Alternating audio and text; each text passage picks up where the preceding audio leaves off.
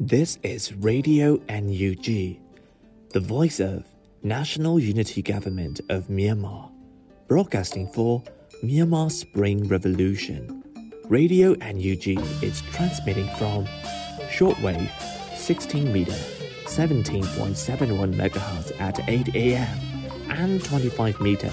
11.965 MHz at 8 p.m. Myanmar Standard Time. မင်္ဂလာပါခင်ဗျာအမျိုးသားညီညွတ်ရေးအစိုးရရဲ့အတန်လွင့်ဌာန Radio NUG ကို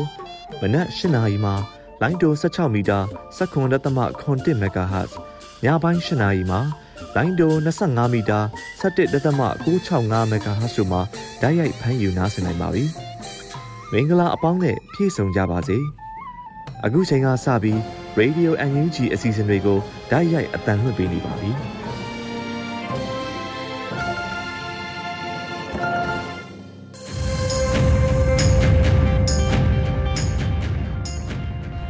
မြန်မာနိုင်ငံသူနိုင်ငံသားအပေါင်းတဘာဝပင်စစ်အာဏာရှင်ဘေးတို့ကနေကင်းဝေးပြီးကိုစိတ်နှပါကျမ်းမာလုံခြုံကြပါစေလို့ရေဒီယိုအန်ယူဂျီအဖွဲ့သားများကဆုတောင်းမေတ္တာပို့သလိုက်ရပါတယ်ရှင်။အခုချိန်မှစပြီးကာကွယ်ဝိညာဉ်ဌာနမှထုတ်ဝေသောစစ်ရေးတရေအကျဉ်းချုပ်ကိုတင်ဆက်ပေးသွားမှာဖြစ်ပါတယ်ရှင်။အမျိုးသားညီညွတ်ရေးအစိုးရကာကွယ်ရေးဝန်ကြီးဌာနမှထုတ်ဝေတဲ့နိုင်စဉ်စစ်ရေးတရင်အကျဉ်းချုပ်ကိုတင်ဆက်ပေးမှာဖြစ်ပါတယ်။ ကျွန်တော်ဟိန်းကိုကိုပါစစ်ကောင်စီနဲ့တိုက်ပွဲဖြစ်ပွားမှုတည်င်းများအနေနဲ့စကိုင်းတိုင်းမှာဒီဇင်ဘာ15ရက်နေ့မနက်၈နာရီခန့်ကဝင်းတုံမြို့နယ်ကင်းကျေးရွာသို့လာရောက်တဲ့စစ်ကောင်စီရင်နှန်းမိုင်းဆွဲတိုက်ခိုက်ခံရပြီးနမ်ဆန်စခန်းမှုအပါအဝင်ရဲ၃ဦးသေဆုံးခဲ့ပါတယ်ဒီဇင်ဘာ15ရက်နေ့မနက်9နာရီခန့်ကဝက်လက်မြို့နယ်ရှိရှိမကားလမ်းစုံအနီးမှာ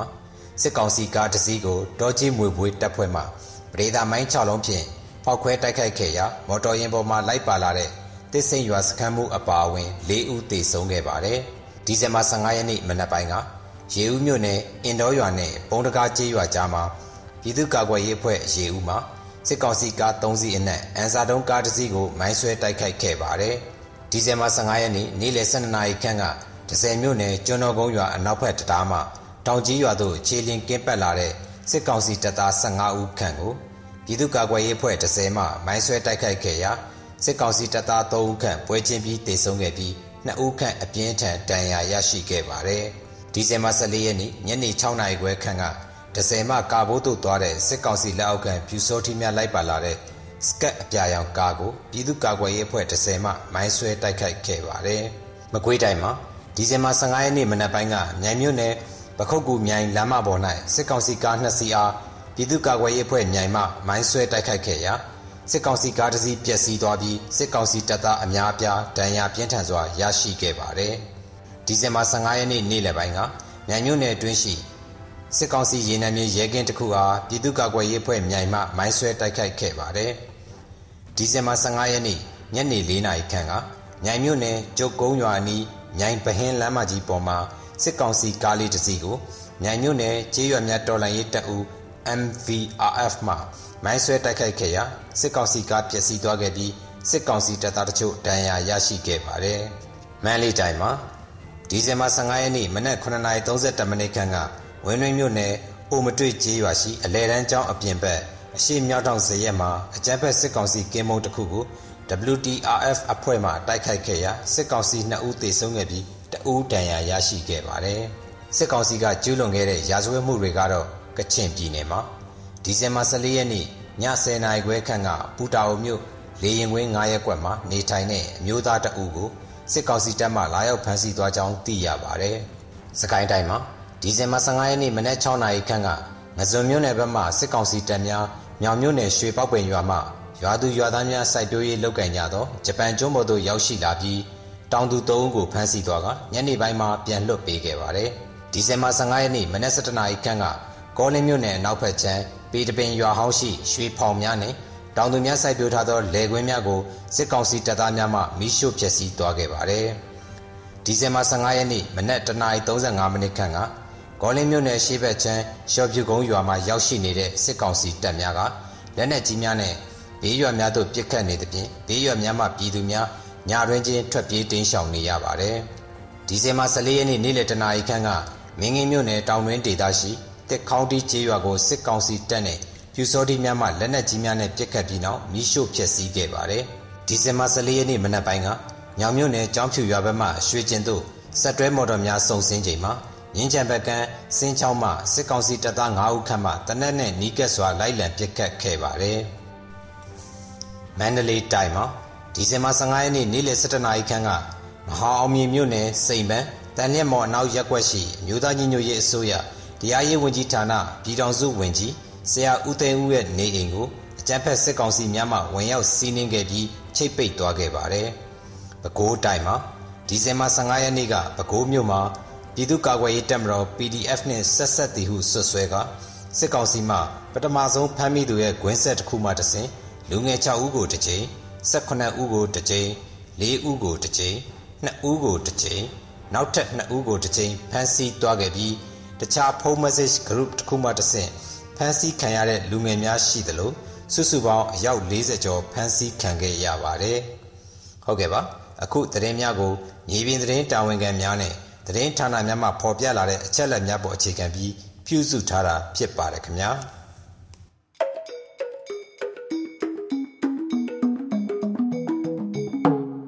ရေဒီယို NUG မှာဆက်လက်အသံလွှင့်နေပါတယ်။အခုဆက်လက်ပြီးပြည်တွင်းသတင်းများကိုຫນွေဦးနှင်းစီမှတင်ဆက်ပေးမှာဖြစ်ပါရရှင်။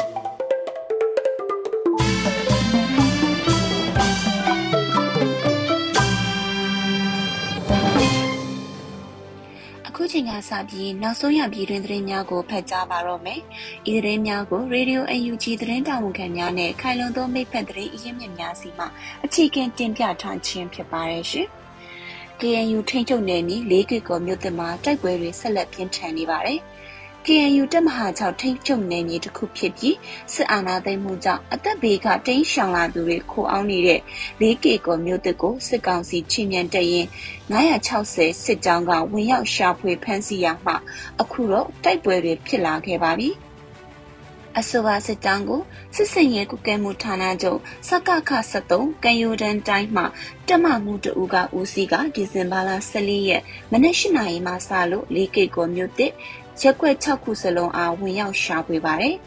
။မြောင်းမြမြို့နယ်လွှတ်တော်ကိုယ်စားလှယ်ဒေါက်တာဝေလင်းအောင်အပါအဝင်အာနာဖီဆန် CDN ဝန်ထမ်းများဒီမိုကရေစီအရေးလှုပ်ရှားနေသူများ20ဦးထပ်မံဖမ်းဆီးခံခဲ့ရပါတယ်။ အခုလို KNU ထိန်းချုပ်နယ်မြေတစ်ခုအားအင်အားအလုံးအရင်ဖြင့်ဝင်ရောက်စီးနင်းမှုအပေါ်တပ်မဟာ9မှခေါင်းဆောင်တအုပ်ဖြစ်သူဘဒိုမန်းမန်းကတော့ဒါဟာ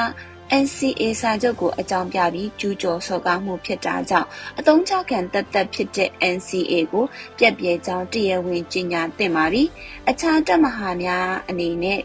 အခုလိုစစ်ကောင်စီရဲ့ကျူးကျော်မှုကိုပြက်ပြက်သားသားခုခံတော်လှန်ဖို့တင့်တယ်လို့မီဒီယာများပေါ်ကအကျယ်တဝင့်ပြောကြားသွားပါတယ်။နယ်မြေခံတပ်မဟာ6 KNLA တပ်ဖွဲ့များကလည်းစစ်ကောင်စီရဲ့ဝင်ရောက်ဖမ်းဆီးမှုကိုမကျေနပ်ပဲပြန်လည်ပိတ်ဆို့ထားရကစစ်ရေးတင်းမာကနေခဲ့တဲ့အခြေအနေဟာဒီဇင်ဘာလ15ရက်နေ့နေ့က7:15မိနစ်မှာတော့တနက်တန်အမြောက်တန်တွေပေါ်ထွက်လာကတိုက်ပွဲစတင်ဖြစ်စေခဲ့ပါတယ်။ တရင်တော်လှန်ရေး KNLA တပ်ဖွဲ့များနဲ့အတူသူတို့လည်းပါဝင်တိုက်ခိုက်နေပြီးဆိုတဲ့အကြောင်းစစ်အာဏာရှင်စန့်ကျင်ရေးအဖွဲ့တစ်ဖွဲ့ဖြစ်တဲ့ Cobra 3တပ်ဖွဲ့မှတာဝန်ရှိသူကပြစ်နေပါပြီအခုကူပြစ်ဖို့ကျွန်တော်တို့ထွက်နေပါပြီလို့အတည်ပြုပြောကြားပါတယ်ဒါအပြင် DKBA အဖွဲ့မှခွဲထွက်ထားပြီးစစ်အာဏာရှင်ဆန့်ကျင်နေတဲ့ဘူစောကျော်တပ်အဖွဲ့ကလည်း KNLA တပ်မဟာ6နဲ့အတူပူးပေါင်းတိုက်ပွဲဝင်နေကြောင်းသိရပါတယ်။ အခုဖြစ်တဲ့တိုက်ပွဲမှာစစ်ကောင်စီဘက်ကအင်အား900မှ1000အထိရှိတယ်လို့သိရပါတယ်။လေးကစ်ကောမျိုးသည်စစ်ကောင်စီရဲ့အမြောက်တက်လှမ်းပစ်မိရာအရက်မှာရှိတာကြောင့်လက်နက်ကြီးများကိုလည်းအသုံးပြုနေတာကြားသိရပါတယ်။စစ်ကောင်စီတပ်တွေဟာ KNLA စခန်းကုန်းဘက်ကိုချင်းကဲကျူးကျော်လာရာမှနေပြီးစတင်တိုက်ပွဲဖြစ်ပွားခဲ့တာပါ။ရက်ွက်6အနောက်ဘက်ကနေစတင်ထိတွေ့ဖြစ်ပြီးအခုဆိုလို့ရှိရင် 4K ကို view point အမြောက်ကုန်းဘက်ရဲ့အနောက်ရတိကူဘက်ရဲ့အဲ့ဒီဘက်တွေအထိဆက်ပြီးထိတွေ့နေတယ် KNLA စကန်ကုန်းဘက်ကိုသူတို့စစ်ကြောင်းကရွေ့သွားတာကစပြီးအခုလိုထိတွေ့တာဖြစ်တယ်။အ ਨੇ ဆုံး၃နေရာမှာအခုချိန်ထိကြိုကြားကြိုကြားပြစ်ခတ်နေတော့မယ်ဟုနေကစ်ကောမြို့တဲ့အုတ်ချုပ်ရေးတာဝန်ရှိသူများနဲ့နှိဆက်သူတို့ကဒီဇင်ဘာလ15ရက်နေ့ကပြောပြပါဗျ။ ဒေသခံပြည်သူတထောင်ကျော်ဟာစစ်ပေးရှောင်နေကြရပြီးကနဦးသတင်းများအရာကတော့လေကစ်ကိုရက်ွက်တွေထဲမှာပိတ်မိနေသူတွေအနှဲငယ်ရှိခဲ့ပြီးညနေမွန်းလွဲတနာရီမှာတိုက်ပွဲခဏနာချိန်မှာတော့ဘေးလွတ်ရာကိုတိမ်းရှောင်နေကြရပါတယ်။တိုက်ပွဲဖြစ်ပွားနေရာလေကစ်ကိုမြို့တဲ့ဟာမြောက်ပြည်မြို့နယ်တောင်ဘက်6မိုင်ခန့်အကွာအဝေးမှာတည်ရှိတာပါ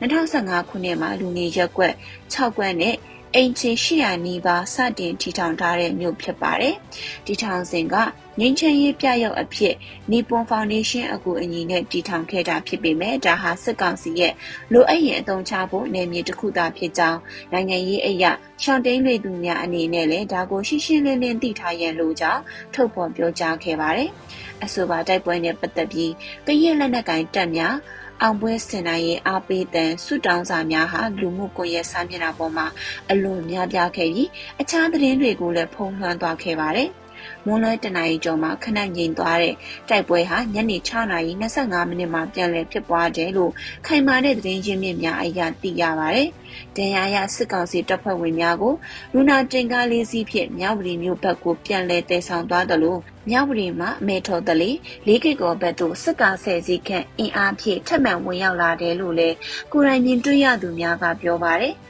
အာနာသိန်းစစ်ကောင်စီဟာ PDF တွေရှိနေတယ်လို့သူတို့ယူဆတဲ့ KNLA တပ်မဟာ6နယ်မြေကိုဝင်ရောက်ထိုးစစ်ဆင်နေတဲ့တပြိုင်တည်းမှာပဲကိုကန့်ဒေသကိုလည်းစစ်မျက်နှာဖွင့်နေပါတယ်။တပ်မ69လက်အောက်ခံတရင်15 89 113နဲ့315တို့ကအင်အား300ကျော်နဲ့လာတိုက်ခဲ့တယ်လို့တကိုးကန့်ကရေးသားခဲ့တာကိုသိရှိရပါတယ်ရှင်။ ဆက်လက်ပြီးနိုင်ကားမောင်းသူတို့ကိုစကားစားတက်ကဖမ်းဆီးသွားပြီးနောက်တနေ့အလောင်းလာထုတ်ခိုင်းကြောင်းဥကောင်းကြည်မသည့်အထိတနက်တင်ဖြစ်ထုထားကြောင်းသတင်းကိုတင်ဆက်ပေးပါမယ်။မန္တလေးတိုင်းမတရားမြို့နယ်ရင်းနှံသာကျေးရွာအုပ်စုစခန်းကြီးကုန်းရွာမှပရာဟိတနာယေကာရင်မောင်းတအူကိုစစ်ကောင်စီတပ်ကအကြောင်းမဲ့ဖမ်းဆီးသွားပြီးနောက်ရက်တွင်မိသားစုကိုအလောင်းလာထုတ်ယူခိုင်းကြောင်းဒေသခံတွေပြောပြချက်အရသိရပါဗျ။ ဒီဇင်ဘာလ12ရက်နေ့ညနေ3နာရီခွဲခန့်ကအဆိုပါရွာရှိမဟာကုသလကာရီနာမှုကူညီရေးအသင်းယုံသို့စစ်ကောင်စီတပ်များဝင်ရောက်စီးနင်းပြီးရင်မောင်းတာဝန်ခံအသက်59နှစ်အရွယ်ပရာဟိတသမားဦးတန်းမြင့်ကိုဖမ်းဆီးသွားခြင်းဖြစ်ကြောင်း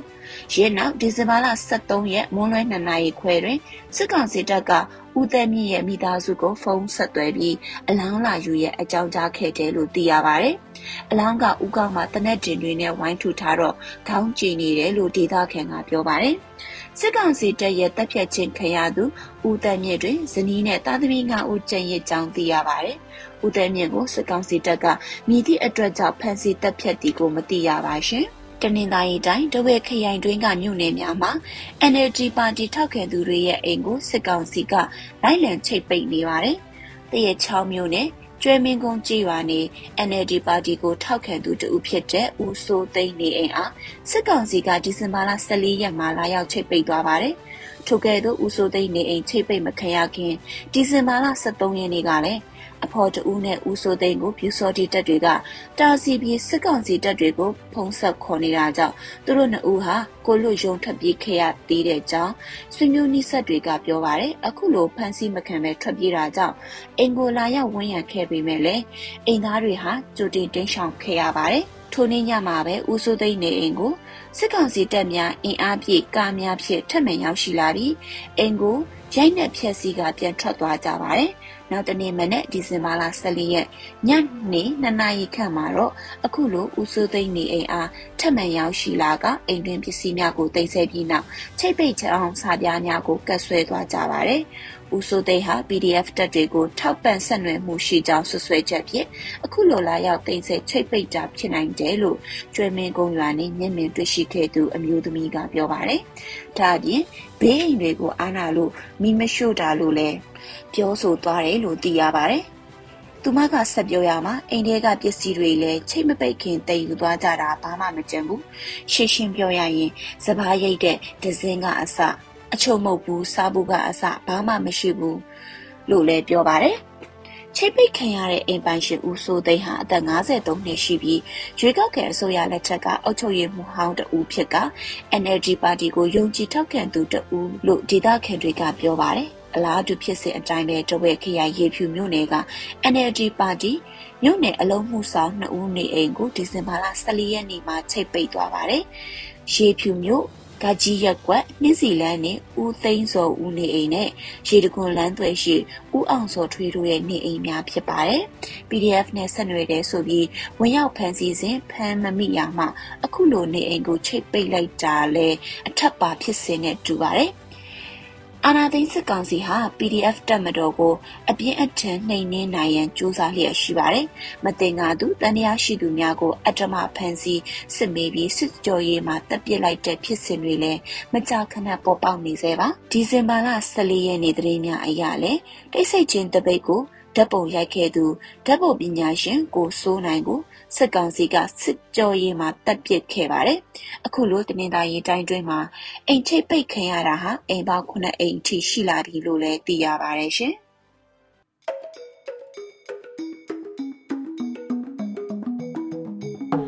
ရေဒီယိုအန်ယူတီမှာဆက်လက်အတန်းလွှင့်နေပါတယ်။အခုဆက်လက်ပြီးပြည်သူတိုက်ပွဲသတင်းများကိုကြော်နွေဦးမှတင်ဆက်ပေးမှာဖြစ်ပါတယ်ရှင်။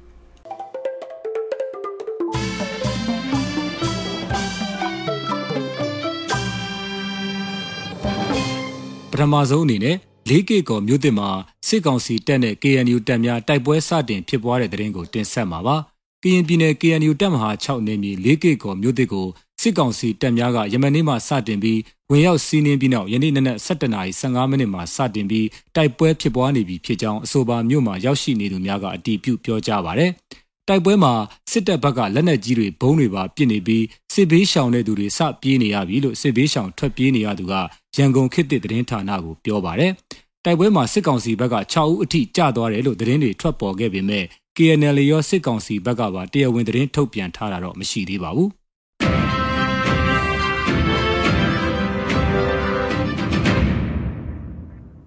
ဆက်လက်ပြီးရှိမကားလမ်းစုံမိုင်းဆွဲတိုက်ခိုက်မှုစစ်ကောင်စီရဲစခန်းမှုတအူးတေဆုံး ဒဏ်ရာရသူများပြီးရဲတွေကိုပြစ်မှတ်ထားတိုက်ခိုက်တာတွေမလုပ်သင့်ကြောင်းရဲတပ်ဖွဲ့ပြောတဲ့သတင်းကိုတင်ဆက်မှာပါဒီကနေ့ဒီဇင်ဘာလ15ရက်နနက်9နာရီဝန်းကျင်မှာဝက်လက်ရှိမကားရွာအနီးကင်းလှည့်လာတဲ့စကားစနေမြေရဲတပ်ဖွဲ့ကိုရှိမကား PDF ကမိုင်းဆွဲတိုက်ခိုက်ခဲ့လို့စစ်ကောင်စီရဲစခန်းမှုတေဆုံးပြီးဒဏ်ရာရသူအများအပြားရှိတယ်လို့ရှိမကား PDF အဖွဲ့ဝင်တောကြီးမွေဝေးအဖွဲ့ကအတည်ပြုပါတယ်စစ်ကောင်စီရဲတပ်ဖွဲ့တွေဘက်ကတော့အဆိုပါတိုက်ပွဲသတင်းကိုအတီးပြုဖို့ညှင်းဆန်ပြီး ဒေတာတွင်ဒုစရိုက်နှိမ်နင်းရေးလုပ်ငန်းများကိုသာလှုပ်ဆောင်နေပြီး PDF ကိုတိုက်ခိုက်တဲ့လုပ်ငန်းဟာရဲတပ်ဖွဲ့တွေတာဝန်မဟုတ်ကြောင်းဒါကြောင့် PDF တွေအနေနဲ့လည်းရဲတပ်ဖွဲ့ဝင်တွေကိုပြစ်မှတ်ထားတိုက်ခိုက်နေတာတွေမလုပ်သင့်ကြောင်းဒေတာတွင်သတင်းဌာနချင်းတွင် review ရဲ့ဆက်သွယ်မေးမြန်းမှုကိုဖြေကြားခဲ့ပါတယ်။စကိုင်းတိုင်းအထက်ပိုင်းအောက်ပိုင်းဆက်ဆက်နေတဲ့ဝက်လက်ရှိမကားဒေတာတွေမှာလည်းအခုရပိုင်းဒေတာကာကွယ်ရေးအဖွဲ့တွေရဲ့ပျောက်ကြားခုခံစစ်တွေစတင်နေပြီဖြစ်ပါတယ်။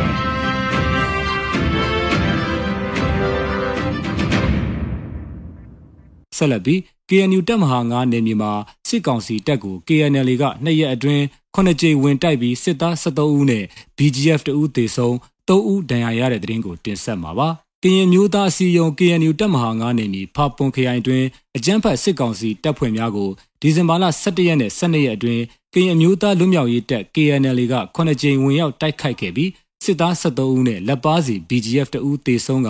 စစ်သား3ဦးဒဏ်ရာရကြောင်းမူဒရောသတင်းစင်ကသတင်းထုတ်ပြန်ပါတယ်။ဒီဇင်ဘာလ17ရက်နနက်10:00နာရီမှာဝါတိုးခိုအနီး၌ BGF တပ်ဖွဲ့ကိုဝင်တိုက်ရာ BGF တဦးသေဆုံးကြောင်းနေ့လယ်12နာရီမှာဖပွန်ကမာမောင်းလမ်းပေါ်22မိုင်နဲ့ခွေးတီကြားမှာနောက်တစ်ကြိမ်ဝင်တိုက်ခဲ့ပြီးစစ်ကောင်စီတပ်သားတဦးသေဆုံးကြောင်းဝါလူစခန်းအခြေစိုက်စစ်ကောင်စီစခန်းကိုမွန်လွယ်တနာရီ48မိနစ်နဲ့2နာရီ41မိနစ်မှာ KNL ကဝင်ရောက်တိုက်ခိုက်ခဲ့ပြီးစစ်သား2ဦးသေဆုံးကြောင်းသိရှိရပါတယ်။ ဒီဇင်ဘာလ12ရက်နနက်7:40မိနစ်မှာတာမိုးလာလောဒေတာအခြေစိုက်စစ်ကောင်စီတပ်ဖွဲ့ကို KNL ကဝင်ရောက်တိုက်ခိုက်ရာစစ်သား9ဦးသေဆုံးကြောင်းနေ့လယ်12:10မိနစ်မှာထီပါလဲလောဒေတာမှာထပ်မံတိုက်ခိုက်ခဲ့ရာစစ်ကောင်စီဘက်က3ဦးသေဆုံးက3ဦးဒဏ်ရာရကြောင်းခွေးတင်နဲ့22မိုင်ကြားမှာထပ်မံတိုက်ခိုက်ရာစစ်သား2ဦးသေဆုံးခဲ့ကြောင်း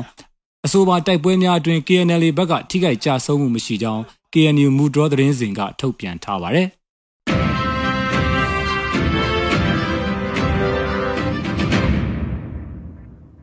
နောက်ဆုံးအနေနဲ့အမျိုးသားညီညွတ်ရေးအစိုးရပြည်ထရေးနဲ့လူဝင်မှုကြီးကြပ်ရေးဝန်ကြီးဌာနကဒီဇင်ဘာလ15ရက်ရက်စွဲနဲ့ထုတ်ပြန်တဲ့ပြည်သူ့ခုခံတော်လှန်စစ်တရင်အချက်အလက်တွေကိုတင်ဆက်ပေးသွားမှာပါ။အာနာသိန်းအကြမ်းဖက်စစ်အုပ်စုရဲ့ပြည်သူလူထုအပေါ်အကြမ်းဖက်ဖိနှိပ်ဖမ်းဆီးတိုက်ခိုက်တပ်ဖြတ်နေမှုများကိုပြည်သူလူထုတရက်လုံးကအသက်ရှင်သန်ရေးအတွက်မိမိကိုယ်ကိုမိမိခုခံကာကွယ်ပိုင်ခွင့်အရာပြည်သူခုခံစစ် People's Defensive War ကိုဆင်နွှဲလျက်ရှိပါတယ်။ သတင်းအချက်အလက်များအရ14ရက်12လ2021ရက်နေ့မှာစစ်ကောင်စီတပ်ဖွဲ့ဝင်62ဦးသေဆုံးပြီးထိခိုက်ဒဏ်ရာရရှိသူ15ဦးအထိခုခံတိုက်ခိုက်နိုင်ခဲ့ပါတယ်။စစ်အာဏာရှင်စနစ်မြမအမြေပေါ်ကအပြည့်တိုင်ချုပ်ငင်းရေးနဲ့ Federal Democracy တိဆောက်ရေးအတွက်ငြင်းချမ်းစွာဆန္ဒပြတဲ့ဒုဒုတပိတ်တိုက်ပွဲများကပြည်내နဲ့တိုင်းဒေသကြီးများမှာဆက်လက်ဖြစ်ပွားပေါ်ပေါက်လျက်ရှိပါတယ်။မြေပြင်မှာတော့ယခုတွေ့ရတဲ့သတင်းအချက်အလက်များထက်ပို၍ဖြစ်ပွားနိုင်ပါတယ်ခင်ဗျာ။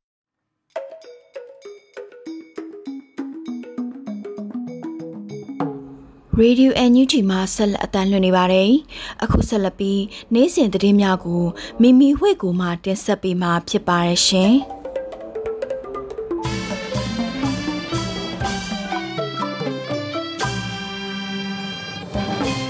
ကရင်လက်နက်ကင်လေးဖွဲ့အနေနဲ့အကြမ်းဖက်စစ်ကောင်စီအပေါ်ပြက်ပြက်တသားတုံ့ပြန်ဆောင်ရွက်တင်ကြောင်းကရင်အမျိုးသားအစည်းအရုံး KNU အတွင်းရေးမှူးဗဒုံမမန်းကပြောကြားလိုက်တဲ့သတင်းကိုတင်ဆက်ပေးသွားမှာပါ။ လေကီကော်မျိုးတစ်အတွင်းအကြမ်းဖက်စစ်ကောင်စီဘက်ကကျူးကျော်ဝင်ရောက်ကနိုင်ငံရေးတက်ကြလှုပ်ရှားသူတွေနဲ့ပြည်သူတွေကိုစစ်ဆေးဖမ်းဆီးမှုတွေပြုလုပ်ခဲ့တဲ့ကိစ္စနဲ့ပတ်သက်ပြီး Current Information Center KIC နဲ့အင်တာဗျူးကိုဖြေကြားစေအတွင်းအခုလိုထည့်သွင်းပြောကြားခဲ့တာဖြစ်ပါတယ်။ချုံနောင်ခံထားရတဲ့ NCA စာချုပ်နဲ့ချင်းချောက်မှုကိုစိုးရိမ်နေပါကအလုံးမဖြစ်ပဲကရင်လက်နက်ကင်လေးဖွဲ့စလုံးကစစ်ကောင်စီပေါ်ညီညီညွတ်ညွတ်နဲ့ပြည်သူလူထုကိုကာကွယ်သည့်အနေဖြင့်ပြက်ပြက်တသားတုံ့ပြန်သိပြီလို့ပြောခဲ့တာပါ အကြံဖက်စစ်ကောင်စီဟာရန်ကုန်နဲ့မန္တလေးလိုမြို့ကြီးတွေမှာတော့အပြစ်မဲ့ပြည်သူတွေကိုပြစ်တက်ယုံတွေမကကားနဲ့ပါတိုက်တက်နေတာကြောင့်လေးကေကော်မြို့ကိုဝင်ရောက်စီးနှီးဖမ်းဆီးခြင်းဟာစစ်ကောင်စီအတွက်မဆန်းကြောင်းမိမိတို့ဘက်ကဘလို့တုံ့ပြန်မလဲဆိုတာကိုသာစဉ်းစားသင့်ကြောင်းလည်းထည့်သွင်းပြောကြားခဲ့ပါတယ်။ယခုလက်ရှိအချိန်မှာလည်းလေးကေကော်မျိုးတစ်အတွင်းတိုက်ပွဲတွေပြင်းထန်နေပြီးအကြမ်းဖက်စစ်ကောင်စီဘက်က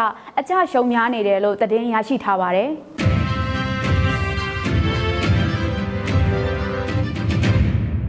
မတရားဖန်ဆီးခံထားရတဲ့တော်လန်ရေးရေးပေါ်တွေကိုထောင်တွင်းနှိစက်မှုအပေါ်အထွေထွေတပိတ်ပေါင်းစည်းညှိနှိုင်းရေးအင်အားစု GSCB ကကန့်ကွက်ရှုတ်ချခဲ့တဲ့တဲ့တင်ကိုတင်ဆက်ပေးချင်ပါတယ်။ Silent Street မှာပါဝင်တဲ့ထောင်တွင်းကရေးပေါ်တွေကိုအကြမ်းဖက်စစ်ကောင်စီအဖွဲ့တွေကရိုင်းနဲ့နှိပ်စက်တိုက်ပိတ်ပြစ်ဒဏ်ပေးတာတွေရှိနေပါတယ်။ အမျိုးသမီးတွေကိုလည်းလိန်အကြမ်းဖက်စော်ကားတာအပြင်အကြမ်းဖက်နှိပ်စက်ရိုက်နှက်ခဲ့ရလို့သိရတဲ့အတွက်ဒီလိုလူအခွင့်အရေးချုပ်ဖောက်ပြီးမတရားနှိပ်စက်တဲ့အကြမ်းဖက်လုပ်ရက်ကို GSCB အထွေထွေတပိတ်ပေါင်းဆက်ညီနိုင်ရေးအင်အားစုကအပြင်းထန်ကန့်ကွက်ရှုံချကြောင်းဒီဇင်ဘာ17ရက်နေ့ကသဘောထားထုတ်ပြန်လိုက်ပါတယ်။ဒါအပြင်နိုင်ငံတကာအဖွဲ့အစည်းတွေဖြစ်တဲ့ ICRC နဲ့ Red Cross တို့ကလူသားမဆန်တဲ့လူအခွင့်အရေးချုပ်ဖောက်မှုတွေကိုချက်ချင်းသွားရောက်စုံစမ်းပေးဖို့အပြင်လှုပ်ဆောင်ရမယ့်လှုပ်ဆောင်ချက်တွေကိုမပြတ်မကွက်လှုပ်ဆောင်ပေးဖို့ GSCB CB ကတောင်းဆိုထားတာကိုတွေ့ရပါတယ်။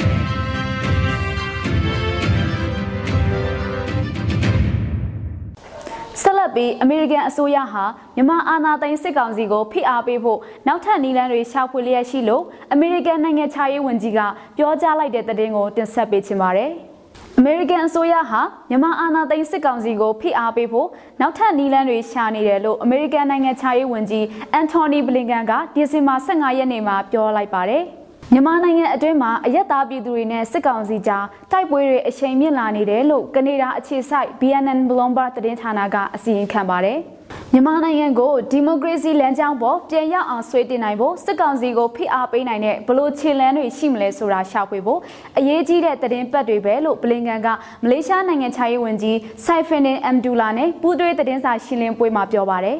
မြမထိတ်တန်းဗိုလ်ချုပ်တွေကိုလူနေစုပေါ်ကျူးလွန်တဲ့စစ်ရာဇဝတ်မှုနဲ့လူမျိုးတုံးတပ်ဖြတ်မှုကျူးလွန်တဲ့အတွက် စုံစမ်းစစ်ဆေးတရားစီရင်သင့်တယ်လို့ကုလသမဂ္ဂရဲ့2018အစီရင်ခံစာထဲမှာပြောထားပါတယ်။မလေးရှားနိုင်ငံခြားရေးဝန်ကြီးဆိုင်ဖစ်တင်ကတော့အရှစ်တောင်အာရှနိုင်ငံများအသင်းအာဆီယံဟာမြန်မာနိုင်ငံထဲမှာဖြစ်ရပ်တွေနဲ့ပတ်သက်ပြီးရိုးရိုးသားသားနက်နက်ရှိုင်ရှိုင်းဝေဖက်သုံးသပ်ဖို့လိုအပ်နေပြီလို့ပြောထားပါတယ်။ကျွန်တော်တို့ဒီတိုင်းသွားလို့မရနိုင်ဘူး။လှုပ်ဖို့တေချာတဲ့နီးလန်းတွေရှိတယ်ဆိုတာတေချာမှဖြစ်တော့မယ်လို့သူကဆက်ပြောပါတယ်။ အာဆီယံဟာမစွတ်ဖက်ရေးစီးမြေကိုကင်ဆယ်ထားတယ်ဒါပေမဲ့မြန်မာနိုင်ငံထဲမှာဖြစ်နေတာတွေကထိမ့်မနိုင်သိမ့်မရဖြစ်နေပြီမို့ဥပိ္ပခါမပြုတ်ရေးစီးမြေကိုလည်းအာဆီယံအနေနဲ့ကြည့်ရှုသင့်တယ်လို့မလေးရှားနိုင်ငံခြားရေးဝန်ကြီးကပြောပါတယ်အာဆီယံဟာဒီနှစ်အစောပိုင်းမှာသဘောတူခဲ့တဲ့အရက်သားတွေနဲ့ပြိမခမဖြစ်ရေးအပါအဝင်အာဆီယံမူ9ရက်ကိုမြန်မာစစ်ကောင်စီလိုက်နာရေးစ조사ခဲ့ပြီးပါပြီ။ အာဆီယံအဖွဲ့အလေးကျဥက္ကဋ္ဌဖြစ်လာချိန်မှာတရုတ်နဲ့နီးကပ်နေဆဲဖြစ်ပြီးမြန်မာစစ်ကောင်စီနဲ့စစ်ဆက်ဖို့ခြေလှမ်းပြင်လာတဲ့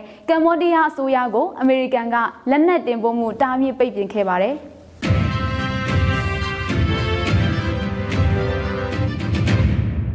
နိုင်ငံအနောက်မြောက်ပိုင်းတွင်အရက်သားနေရက်စွန့်ခွာထွက်ပြေးရမှုများမြင့်တက်နေကြောင်း OCHA ထုတ်ပြန်ခဲ့တဲ့သတင်းကိုဆက်လက်တင်ဆက်ပေးချင်ပါတယ်။ မြန်မာနိုင်ငံအနောက်မြောက်ပိုင်းမှာနိုင်ငံတွင်အရက်သားနေရက်စွန့်ခွာထွက်ပြေးရမှုတွေညစ်တက်နေပြီးလူသားချင်းစာနာမှုလုပ်ငန်းတွေလှုပ်ဆောင်ရေးခက်ခဲနေကြောင်းကုလသမဂ္ဂလူသားချင်းစာနာမှုဆိုင်ရာညှိနှိုင်းရေးယုံ OCHA ကယနေ့ဒီဇင်ဘာ15ရက်နေ့မှာထုတ်ပြန်ပါတယ်။လူသားချင်းစာနာမှုလုပ်ငန်းဆောင်ရွက်နေသူတွေအနေနဲ့အဆိုပါဒေသတွေစီသွာလာခွင့်ရရှိရန်အခက်အခဲရှိနေပြီးရင်းမှာအလေးအနက်ထားဖြည့်ရှင်းရမယ့်လူသားချင်းစာနာမှုအခြေအနေဖြစ်ကြောင်း OCHA ကဆိုပါတယ်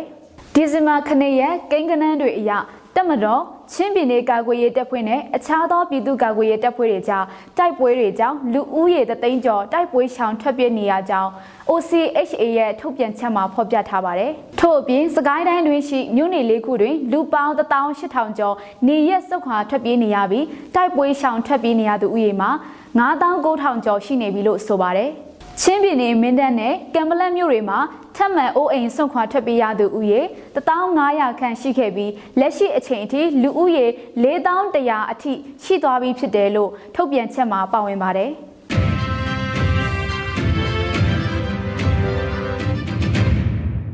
မြန်မာနိုင်ငံတဝန်းကလူမျိုးပေါင်းစုံဘာသာပေါင်းစုံပါဝင်တဲ့စစ်အာဏာရှင်အမြင့်ဖြတ်ချေမှုန်းရေးလူထုဆန္ဒပြပွဲတဲ့တွေကိုစုစည်းတင်ဆက်ပေးမှာဖြစ်ပါတယ်။မန္တလေးမြို့ကတော်လန်လူငယ်တွေစုပေါင်းပြီးဘေးသူတွေကကြောက်တာလဲဆိုတဲ့စာတန်းကင်ဆောင်ပြီးစစ်အာဏာရှင်ကိုစန့်ကျင်တော်လှန်ခဲ့ကြပါတယ်။စကိုင်းတိုင်းရွှေဘိုမြို့နယ်ကျေးရွာတရွာကတော်လန်ရေးပြည်သူတွေဟာတိုင်းရင်းသားလက်နက်ကင်တပ်ဖွဲ့တွေနဲ့ PDF တွေတိုက်တိုင်းနိုင်ပါစေ စစ်အာဏာရှင်ကြရှုံးပါစေဆိုတဲ့ကြေးကြော်တန်တွေနဲ့အတူခြိတက်ဆန္ဒပြခဲ့ကြပါတယ်။စကိုင်းတိုင်းကလေးမျိုးကတော်လန်ပြည်သူတွေဟာစစ်အာဏာရှင်ကိုဆန့်ကျင်တော်လန်တဲ့ရက်ပေါင်း311ရက်နေ့မြောက်နေ့အဖြစ်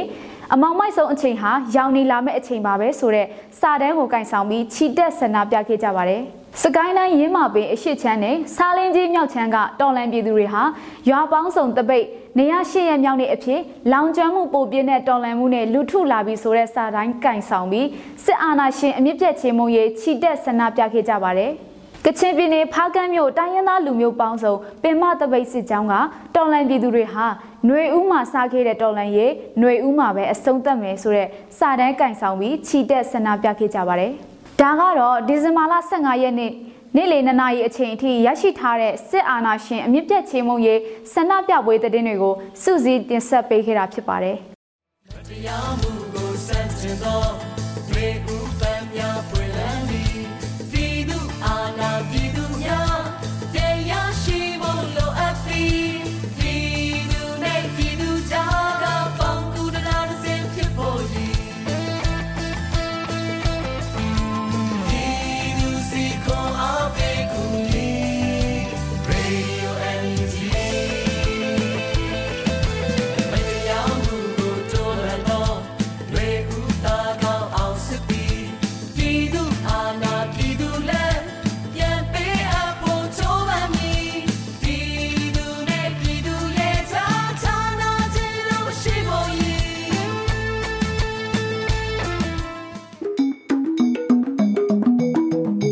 ဒီကနေ့ကတော့ဒီညနဲ့ပဲ Radio NUG ရဲ့အစီအစဉ်တွေကိုခਿੱတရနာလိုက်ပါမယ်မြန်မာစံတော်ချိန်မနက်၈နာရီနဲ့ညနေ၈နာရီအချိန်တွေမှာပြန်လည်ဆုံတွေ့ကြပါစို့ Radio NUG ကိုမနက်၈နာရီမှာလိုင်းတို16မီတာ7.3 MHz ညပိုင်း၈နာရီမှာလိုင်းတို25မီတာ17.665 MHz တို့မှာဓာတ်ရိုက်ဖမ်းယူနားဆင်နိုင်ပါပြီမြန်မာနိုင်ငံသူနိုင်ငံသားများကိုယ်စိတ်နှပြချမ်းမာချမ်းသာလို့ ဘေးကင်းလုံခြုံကြပါစေလို့ Radio NUG အဖွဲ့သူအဖွဲ့သားများကဆုတောင်းလိုက်ရပါတယ်။အမျိုးသားညီညွတ်ရေးအစိုးရရဲ့စက်သွယ်ရေးတရင်အချက်အလက်နဲ့ဤပညာဝန်ကြီးဌာနကထုတ်လွှင့်နေတဲ့ Radio NUG ဖြစ်ပါတယ်။ San Francisco Bay Area အခြေစိုက်မြန်မာမိသားစုများနဲ့နိုင်ငံတကာကစေတနာရှင်များလှူအားပေးများရဲ့ Radio NUG ဖြစ်ပါတယ်။အရေးတော်ပုံအောင်ရမည်။